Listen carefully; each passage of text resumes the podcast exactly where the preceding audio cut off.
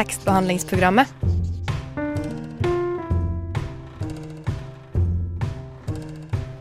Tekstbehandling på radio.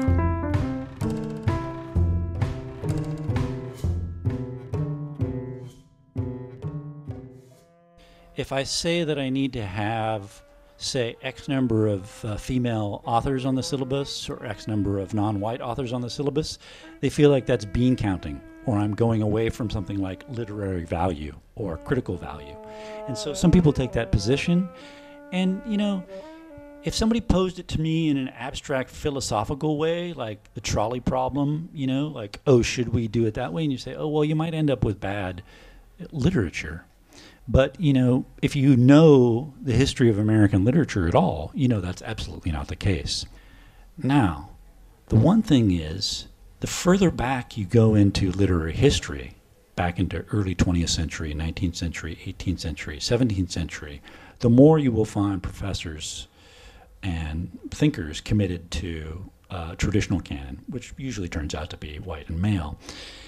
And there are a lot of different reasons for that, but there's also historical reasons. There are just actually fewer non white men publishing the further back you get into the 19th and 18th century, particularly 18th century, 17th century literature. You know, so that's a, that's a different question. And, you know, I, I teach almost exclusively uh, 20th and 21st century stuff. Den 12. oktober på Chateau Neuf hadde jeg, tekstbehandler Arthur Henriksen, gleden av å holde den første kulturelle aften.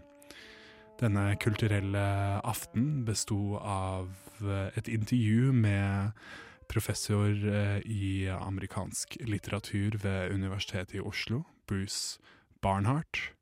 Um, og her kommer dette intervjuet. But I want to ask a bit about this process of um, selecting the, the syllabi. What are sort of the metrics by which you choose the different books? Because the, often there's like a, it's kind of like being in a candy store or whatever. You have too much to choose to choose from. So It's pretty hard, actually. And at the Yeah, end, there's, there's always, at the end, no matter how I shuffle it around, I'm, I'm always pissed off because there's one work I can't figure out how to get on there. Um, but part of it is practical, and I generally don't teach that very many super long novels, um, which is a bit of a problem. Uh, but, uh, you know, I, it'd be worse for me if I taught more 19th century literature. Like you know who's going to teach moby dick? Uh, you know i don't know if that should be taught or not but and so you know i think about i, th- I definitely i think about the students.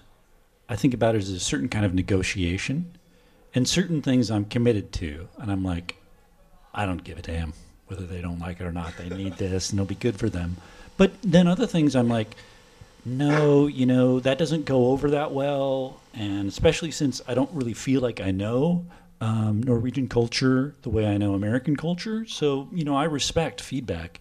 And, you know, some of these classes I teach multiple times and texts that I'm like, this is exactly the text. This is perfect and it's brilliant. But I do it once or twice and sometimes three times. I'm like, it really is not working. And so then I just I take it off Sometimes I bring it back and try it again later. So I think about, you know, actually practically what has worked in terms of how exciting or stimulating it is uh, for students.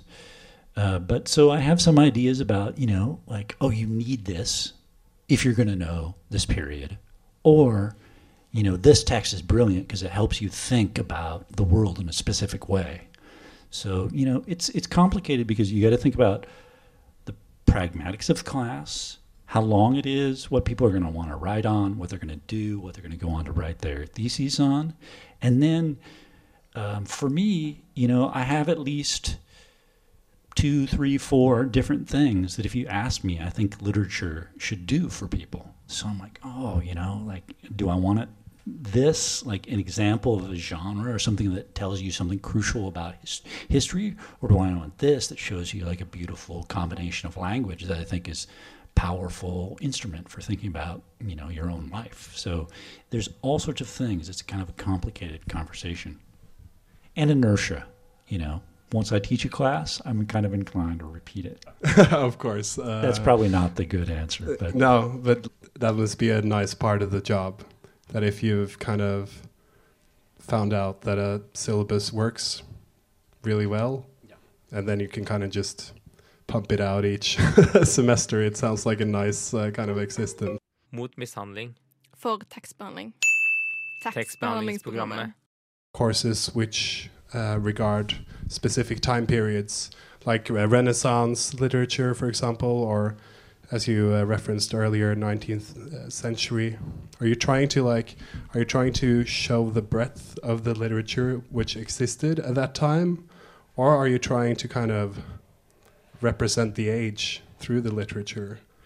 I mean, most of my classes go chronologically, and I try and you know, history is important, but I do keep in mind the fact that I'm not.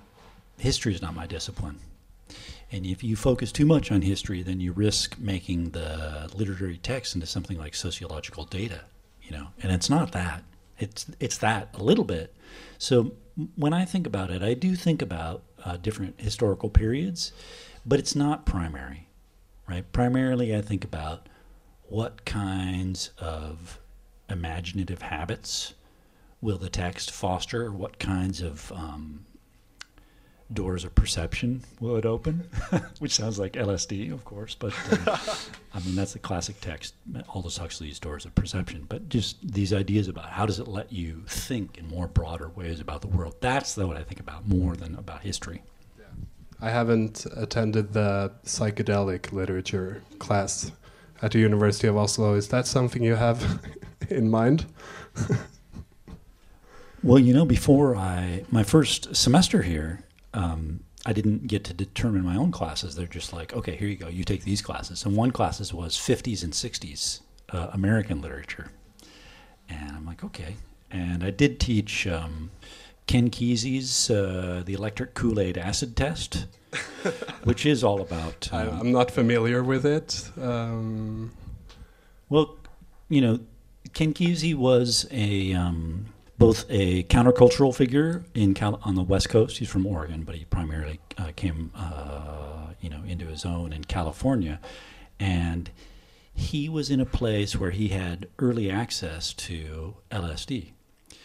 And so then it was this moment where people are thinking about, oh, you know, and in this moment, a lot of people were thinking about it. It's not recreational, you know, it's not, it's serious. It's about like, you know, expanding your mind.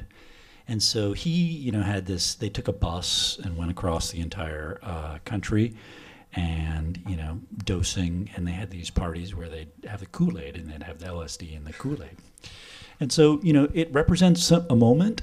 And I was thinking, oh, if you want to talk about the 60s, you have to talk about this.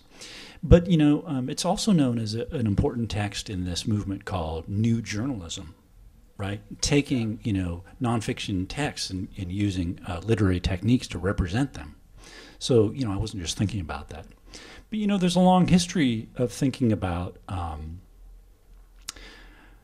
psychotropics and psychedelics and alcohol and stuff as being aligned with uh, literature, right? I mean, Baudelaire's got the famous poem, you know, you should get drunk. Like, oh, what are you going to do it with? You going to do it with literature or wine or virtue? Virtue is the other one. And I don't really get that one the other way. But this idea that you lift some of the normal um, strictures of thinking.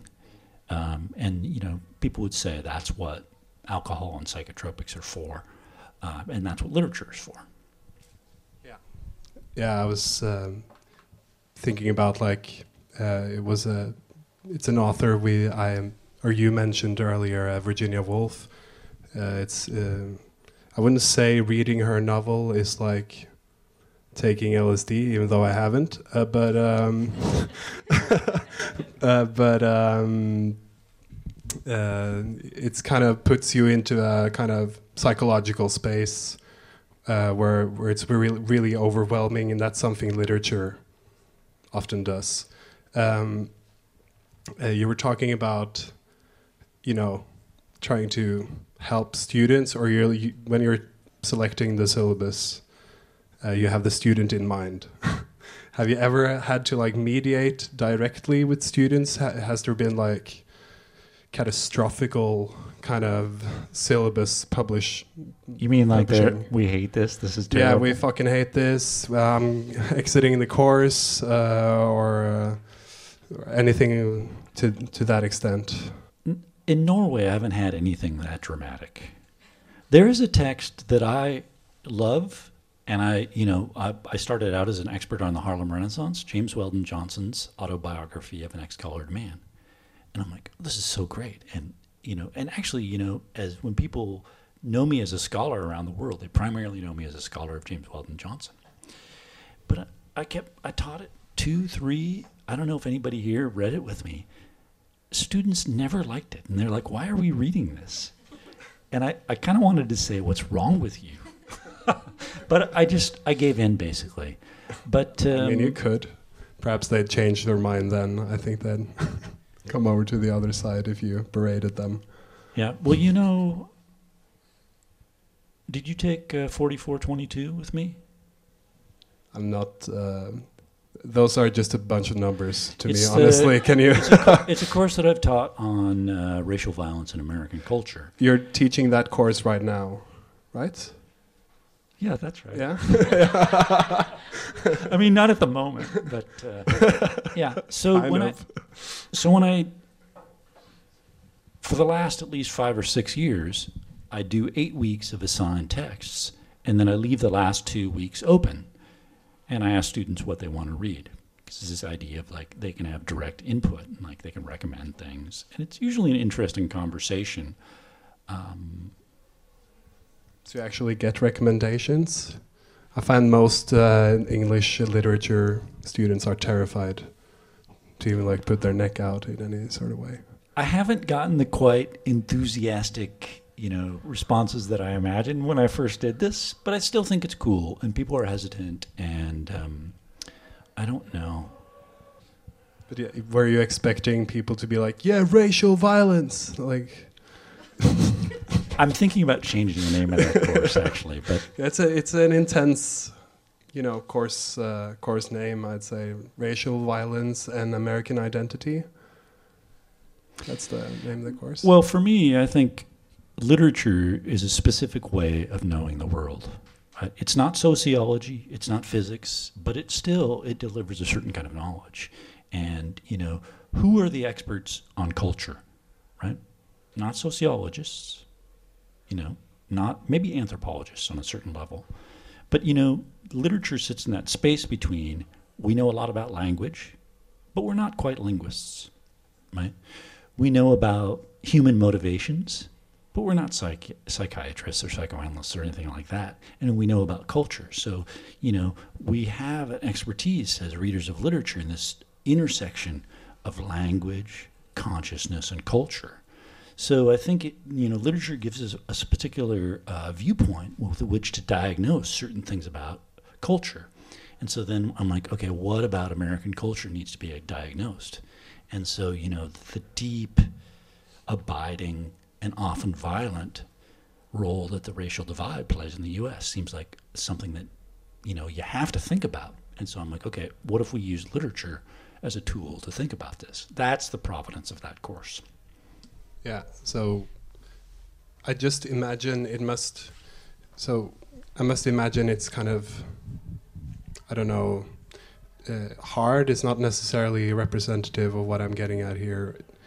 More important when you're kind of choosing the syllabus to a course like this because you're kind of shaping, as a professor, you're kind of shaping uh, each student's view of this very serious issue. So I, I bet you feel a lot of like responsibility when you're choosing these texts. Yeah, I do, but some of it is easy because they're just like these central texts. The that you- canon, kind of.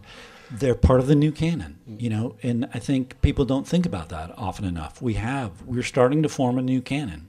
People still think, you know, we're kind of anti canon, but, you know, Frederick Douglass, eh, Toni Morrison, and, you know, other figures, these are now part of the canon. And I think we should acknowledge that and think about, you know, because you know, it's easy to say, oh, we don't have a canon, but I think we do.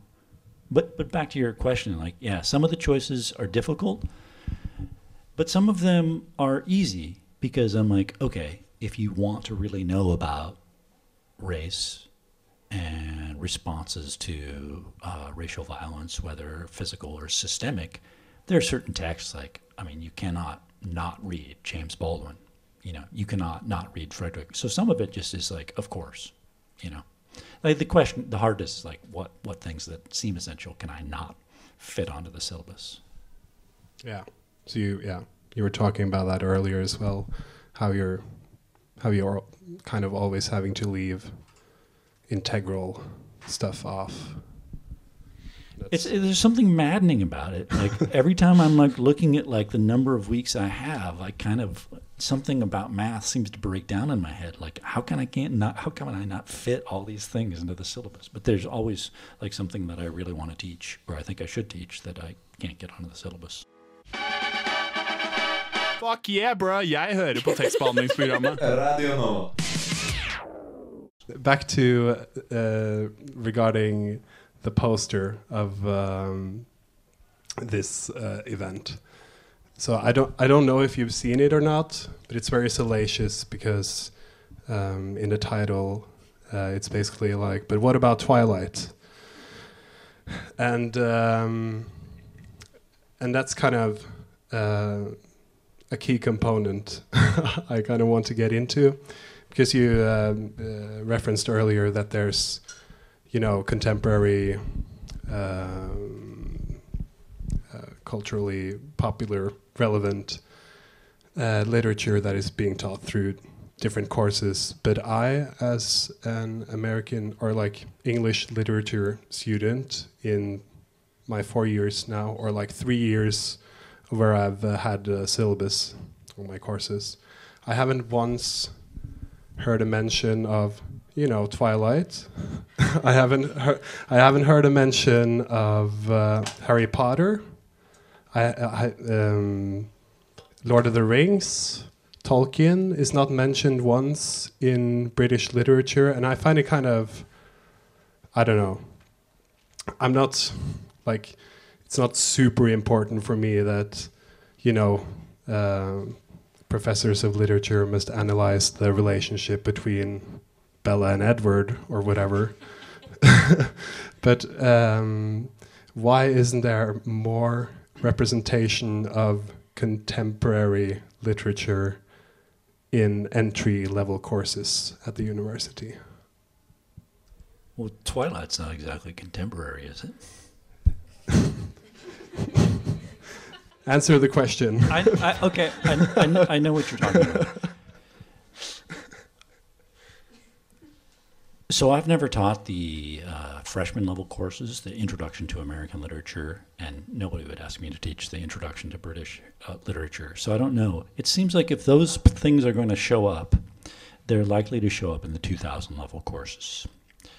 And some people do teach those kinds of things. It generally is not me. Um, but you know, so we were. Ta- I was talking earlier about the kind of history of uh, canon and canon development, and one of the things that's also happened to the discipline of literature is the rise of cultural studies. You know, uh, post Foucault, and even more important, this you know a group of scholars at the University of Birmingham said, "Hey, we should read you know like." magazines for 17 year olds as well as Shakespeare. That's actually one of the things they did study. It's like That's interesting. Yeah. I must say. it's in the if you take the 4301 course, it's not assigned, but it's on this, the the reader, Angela McRobbie. It's like, oh, you know, this important uh, figure in the Birmingham School is like reading through these magazines and thinking about that. And so that's an outlook that says what we should be doing in these courses, whether we call them literature or cultural studies or whatnot, is we should be training uh, readers, whether they're students or not, to look at their surroundings in a critical way right? So it doesn't matter if you, the, from this perspective, it doesn't matter if you can read Shakespeare or Toni Morrison. It matters if you can figure out the rhetoric or the structure of the kind of little 20 second ads they flash in your eyeballs when you're standing on the T-Bana station, right? And so, you know, I think that's important.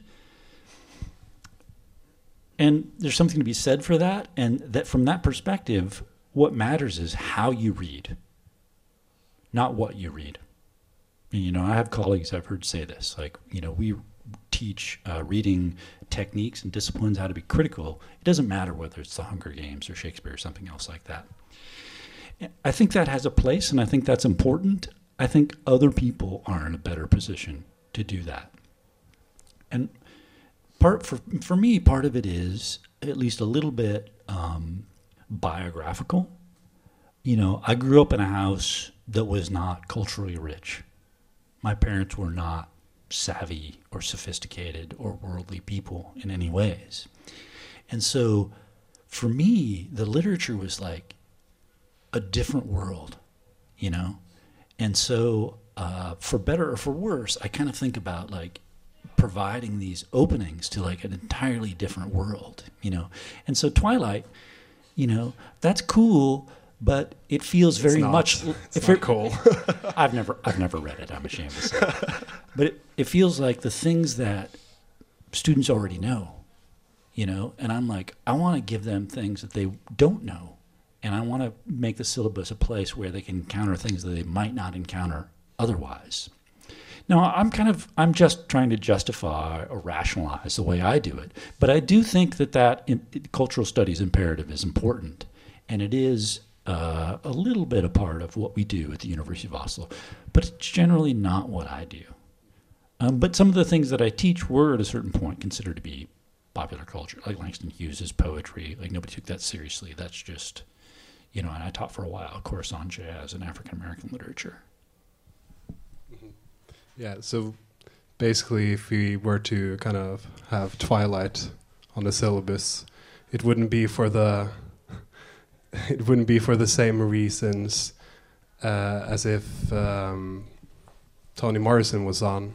It would be to kind of have this cultural approach to kind of let's look at how this represents the uh, kind of uh, mentality of the 21st uh, century or whatever. It wouldn't be for the inherent love mm -hmm. of Twilight. Yeah. Yeah. okay. Yeah. I, I, that makes sense. I, I mean, I guess I'd just like to go back to your question about elitism earlier, because some could say, you know, Bruce Barnhart, you're an elitist because you don't teach like Hunger Games or Twilight or something like that. But there are all sorts of r- interesting examples that I know, mostly from American history, of people from, you know, neighborhoods or families or areas with like no access to culture and what speaks to them is, you know, some of these like elitist texts of high culture. You know, I read Huey Newton's uh, biography uh, last semester. Brilliant, revolutionary suicide. This like kind of um, lower class uh, guy who grew up in you know rough black Oakland and went on to form the Black Panthers. And he talks about reading his uh, older brother's community college textbooks, this poem Ozymandias by Shelley and he memorized it. And for him, it was like, this was like, it really spoke to him. So, you know, to me, I think about that. What are the things that kind of think, let you think about your surroundings in a totally different way or kind of thinks, let you think outside of your surroundings? So I don't think it's necessarily, you know, elitist not to teach uh, popular literature. I mean, as um, as a um, a master's student by now, I think you can kind of not. it's it's difficult to uh, kind of never feel a bit elitist, I suppose, because the, you know there's an inherent hierarchy uh, of kind of levels. you know, um, not to say that it's super important, but I think like on a personal level, it's kind of hard to let that go you know, it's also hard to let go of the notion that why something is selected to a syllabus, that the reason is elitism because perhaps that, I don't know, it says more about the person than the actual uh, canon, I would say. Yeah.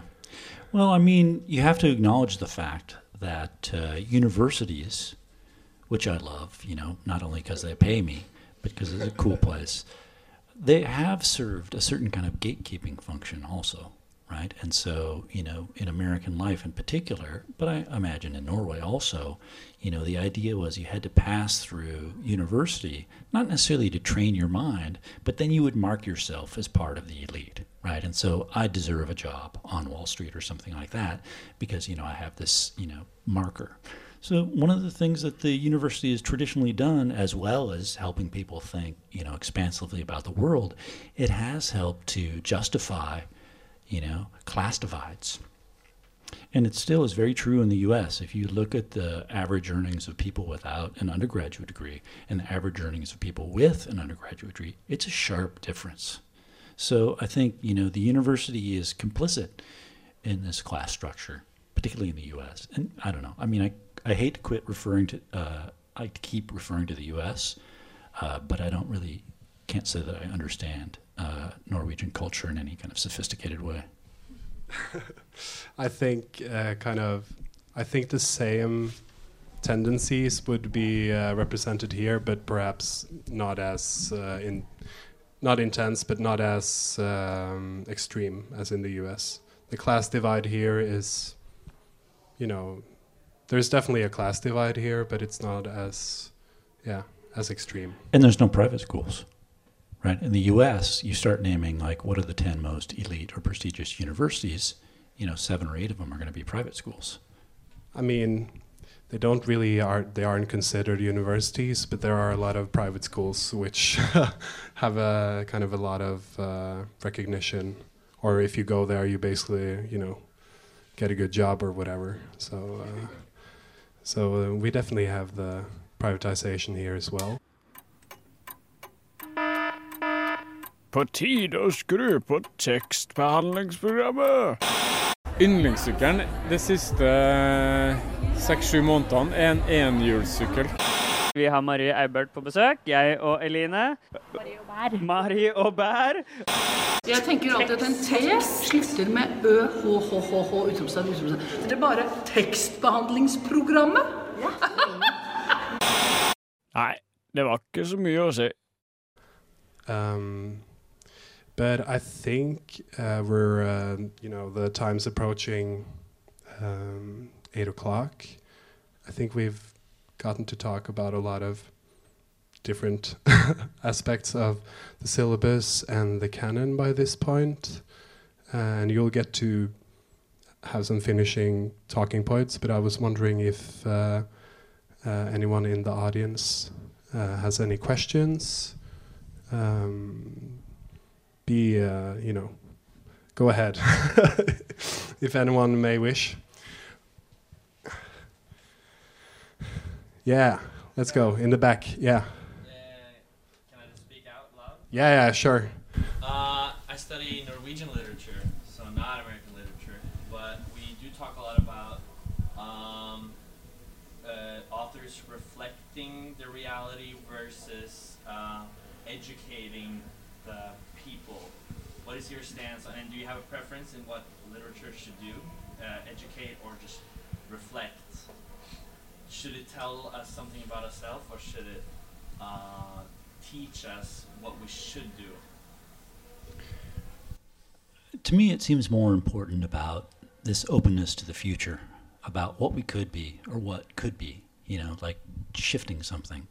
And so, reflection, you know, it, it's hard to get away from that, but um, it seems a little bit dull to me, you know? Like, I kind of see the world and I don't need a camera of it, you know? When I want to read a great work of literature, I don't want more reality, you know? I want something else, something beyond, you know? And so, but, you know, the reflection function is also part of it. But, you know, there's this great quote, and now I'm sorry, I can't remember who it's by, and this is literature is not a camera, it's a steam engine, right? And I love this idea that it creates something or makes things move. Yeah. Um, did you have a question? Uh, yeah, Agnes? Um, I was wondering, when choosing a syllabus, are there texts that you would consider practical to teach and that you would like to teach that you still refrain from teaching? And if so, what are the factors that keep you away from them? You mean like it's too like sexually explicit or racist or something like that? This is a big issue in the U.S. You know, and people are afraid of it, and people talk about like, oh, if I teach this, I need to put trigger warnings on it. You know, and of course, right? You've read with me a couple of texts that are explicit about lynching. Like, what could be more triggering than that, if there is such a thing? So generally, no. Uh, the the kind of dumb and mundane issue is length. There are some longer novels that I would like to teach, but you know, I look at the syllabus. I'm like, okay, I want to teach that, but I do I want to teach that instead of these two or three other things. And so that's the thing I struggle with more than anything else.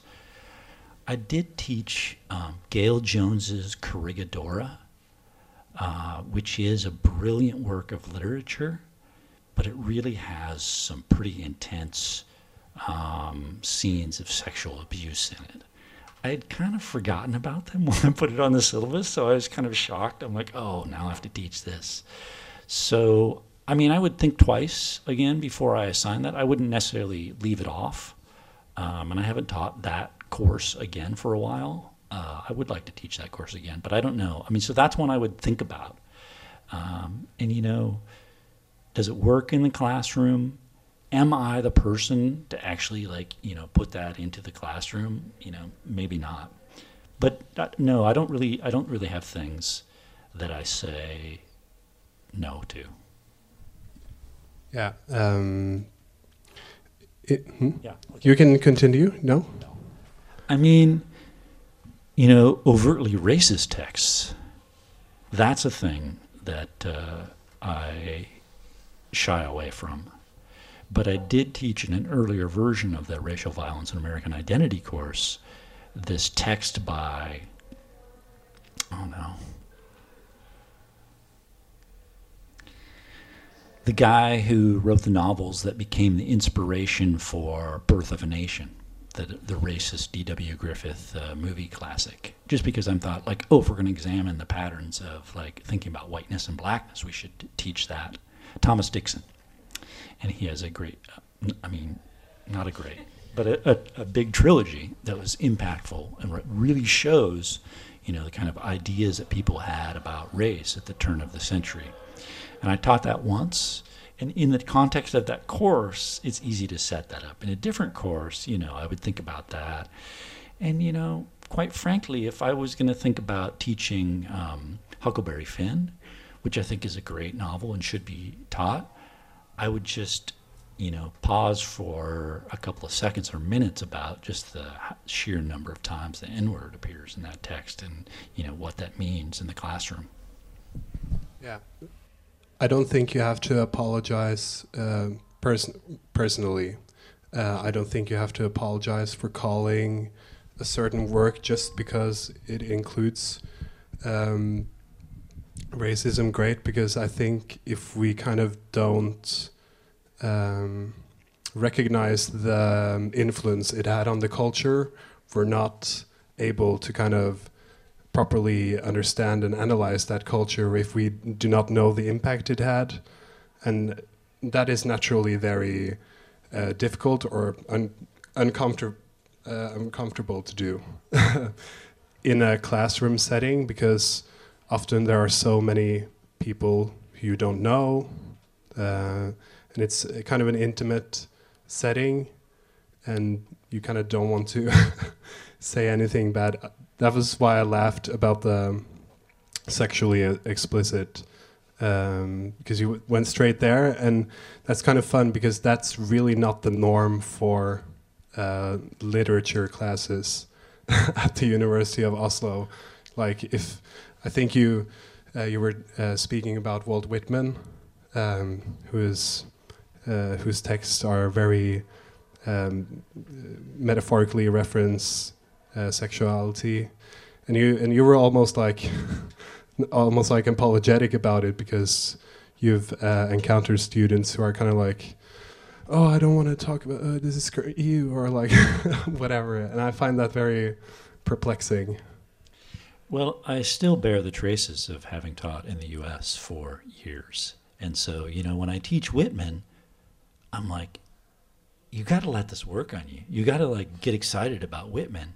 And so in the U.S., if you start talking about, oh, when he's talking about the calamus, he's talking about you know the male organ. In the you're gonna certain number of students are gonna be like, okay, I'm done. I hate Whitman. I'm over. So you know, I kind of have this That's notion of like, I mean, and you can tell me if I'm you know being too generous to Norwegian students, but my sense is that doesn't work in the same way here. Like people are not. But uh, so I still I'm like you know I'm like okay I want them. I mean, a lot of the work thing when I'm in the classroom, I really am trying to sell the literature. I'm like, you know, let this take you to the place that it takes you to because it'll be cool, you know, just Yeah, we're definitely more liberated in that sense than the US. we're a lot freer here in regards to that, but I think either way in the kind of classroom setting, the whenever you speak about something sexually explicit, I think people kind of and uh, it's you know, it's to be expected, but you know, even in classes which regard uh, sexuality. But um, uh, Nicole, you had a, a question. I think the reason that Twilight for once, I mean, I know Harry Potter is taught, actually by, by I think, Kristen Beck, but do you think Twilight is not taught because it is seen as girly? Because things that girls like is lesser than, it's done. Just like to throw it. I mean, I'm embarrassed to say that I haven't read Twilight. I think the author is from my home state of Washington on the West Coast. So, no, she's not from Washington? I think she's from Arizona. Oh, okay. Well, the West in general. But um, so I don't know if I can address your question, but it's a good question because that has been a long history of how the canon has been formed in the U.S. In the 19th century, many of the most successful authors were female authors. And most of us cannot name these women now, right? And so, you know, Hawthorne and uh, a realist novel for, novelist from the a male novel complained about this scribbling mob of women. In Melville? No, it's uh, Howells. Um, and so, you know, these were people who were really shaping American culture. And then when the canon got formed, particularly in the 20s and 30s, they were kind of written out of the story. So I think, you know, that's always something to keep your eye on. Like, not only things written by women or by men, but the way in which, you know, they get coded as girly or too feminine. Uh, but in the case of Twilight, I don't know. They're vampires, right? I thought I thought vampires were cool. I didn't know they were girly.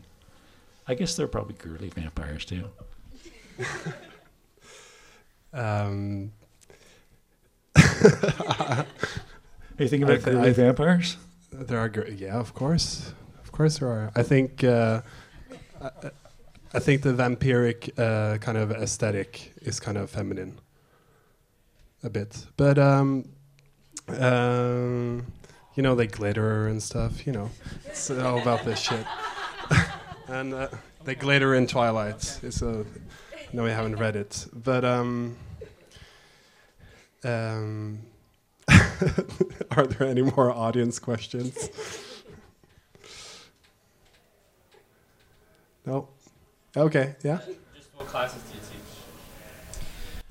I teach, um, and I'm gonna next semester. I'm gonna be teaching multicultural American literature, which is a 2,000 level undergraduate course. I regularly teach a master's course on time and money in the American novel. It's a great course. Thank you, Arthur. And then I teach this course, uh, another master's level course on racial violence and American identity. Uh, I teach American literature. We divide it up into from the beginning of the 20th century to World War II, which I used to teach, but now Stuart McWilliams is teaching that. And then I teach uh, this course from 1945 to the present, which I'll be teaching next uh, semester. So we do not as in British literature, they tend to do more like specific periods, like romantics and stuff. But we do have a certain kind of periodization. But basically, if it's 20th or 21st century uh, African American American literature, those are part of what I cover. You did critical theory as well, right? Yeah. I always, yeah, I also teach the uh, introduction to literary theory, which I'm teaching now. And I'm looking around because there's always students that hate that class, and they're like, "God damn it, Bruce Barnhart's making me read this difficult stuff, man." Yeah, it's all Marx and yeah, a lot of like Freud and uh, Derrida and uh, That- really technical. That class stuff. has a canon more than other classes, right? You know, like you have to read Marx, you have to read certain people from queer theory, you have to read certain, you know, it's just like you must read. So that is more canon driven than anything else that I teach at uh, University of Oslo. Yeah, that really makes sense though when you have to kind of get the theoretic kind of background. Yeah, I guess properly every analyze. I guess every discipline has its kind of core methodologies, and so you know you're kind of disciplining people or introducing them to the discipline however you want. But yeah, I would I would say that attending a university is, by its essence, a disciplinary kind of uh, yeah a disciplinary act. attending the university, you have to kind of learn discipline and um, and disciplines. but um, uh, if you have anything you kind of want to shill or whatever, if you have anything you want to like uh, notice people about, if you have anything uh, like a book or anything, or you can. you mean like a book? I think people should read. Yeah, for example. or, or of your of, of your uh, of your projects. If you have any projects going on, you can Oh. tell the people about it. Well, I'm part of this research group at the university. Uh, some of us are from A Labs, and some of us from uh, comparative literature, and some people from visual studies. It's called Temporal Experiments, and we released a book in January that's got different uh, ways of thinking about time and different uh, kinds of texts. I actually write about music in that uh, thing, so there's an essay in there on dub reggae. Cool. That's very LSD. Um, Yeah. yeah, but It's also more marijuana than LSD. Yeah, yeah, it's true. Um, uh, also, I got kind of interested by your uh, by you answering that. Like, do you have any uh, book recommendations, uh, perhaps outside the literary canon? Outside of the literary canon. Yeah, or like something you want to like, something kind of underground or whatever. Well, you know, one of the things when you're asking me about syllabi disasters was there's this great American poet, Nathaniel Mackey, sometimes called Nate Mackey, and he's got this ongoing novel. It's got different volumes of it, but he thinks of it as all part of one novel. It's the whole thing together is called "From a Bo- Broken Bottle: Traces of Perfume Still Emanate." and you know it's got five six volumes now and mm, bedouin hornbook is great uh, Djbot Baghostus's run is great and it's an epistolary novel all written in letters but it only goes one way so you never hear the answers and you read the different letters and they're a combination of almost mystic exploration of what goes on inside of music partially like philosophical reflections on art and stuff, and then partially like uh, plot. And, you know, I remember a lot of students, positively and negatively, saying something like, What is going on? And I mean, I think that's part of the experience, and I think that's great. So I would, I would highly recommend Nathaniel Mackey's, Mackey's uh, prose, his ongoing novel series. The poetry is good too, but I really love the ongoing novel. Hvis du går hjem med noen og de ikke har bøker, ikke knull dem. Hilsen tekstbehandlingsprogrammet. Yeah, I must say thank you uh, for doing this interview. I think it's been really interesting and, of course, enlightening. Um, I always enjoy listening to you talk in class, and it's also nice. but it's nice to have uh, th- this kind of a forum where we, uh, or it's nice to have like a discussion based forum, I think and um, yeah, I'm just uh, really glad you you came, and I want to say thank you to everyone in the audience as well. Thank you for your good questions. and thank you to Chateau Neuf for uh, hosting this uh, inaugural uh, event uh, of uh, the cultural evening, Kulturell Aften at Chateau Neuf.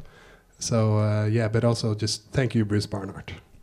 Uh, thank you so much for having me. Thank you for coming. I'm very happy to be here.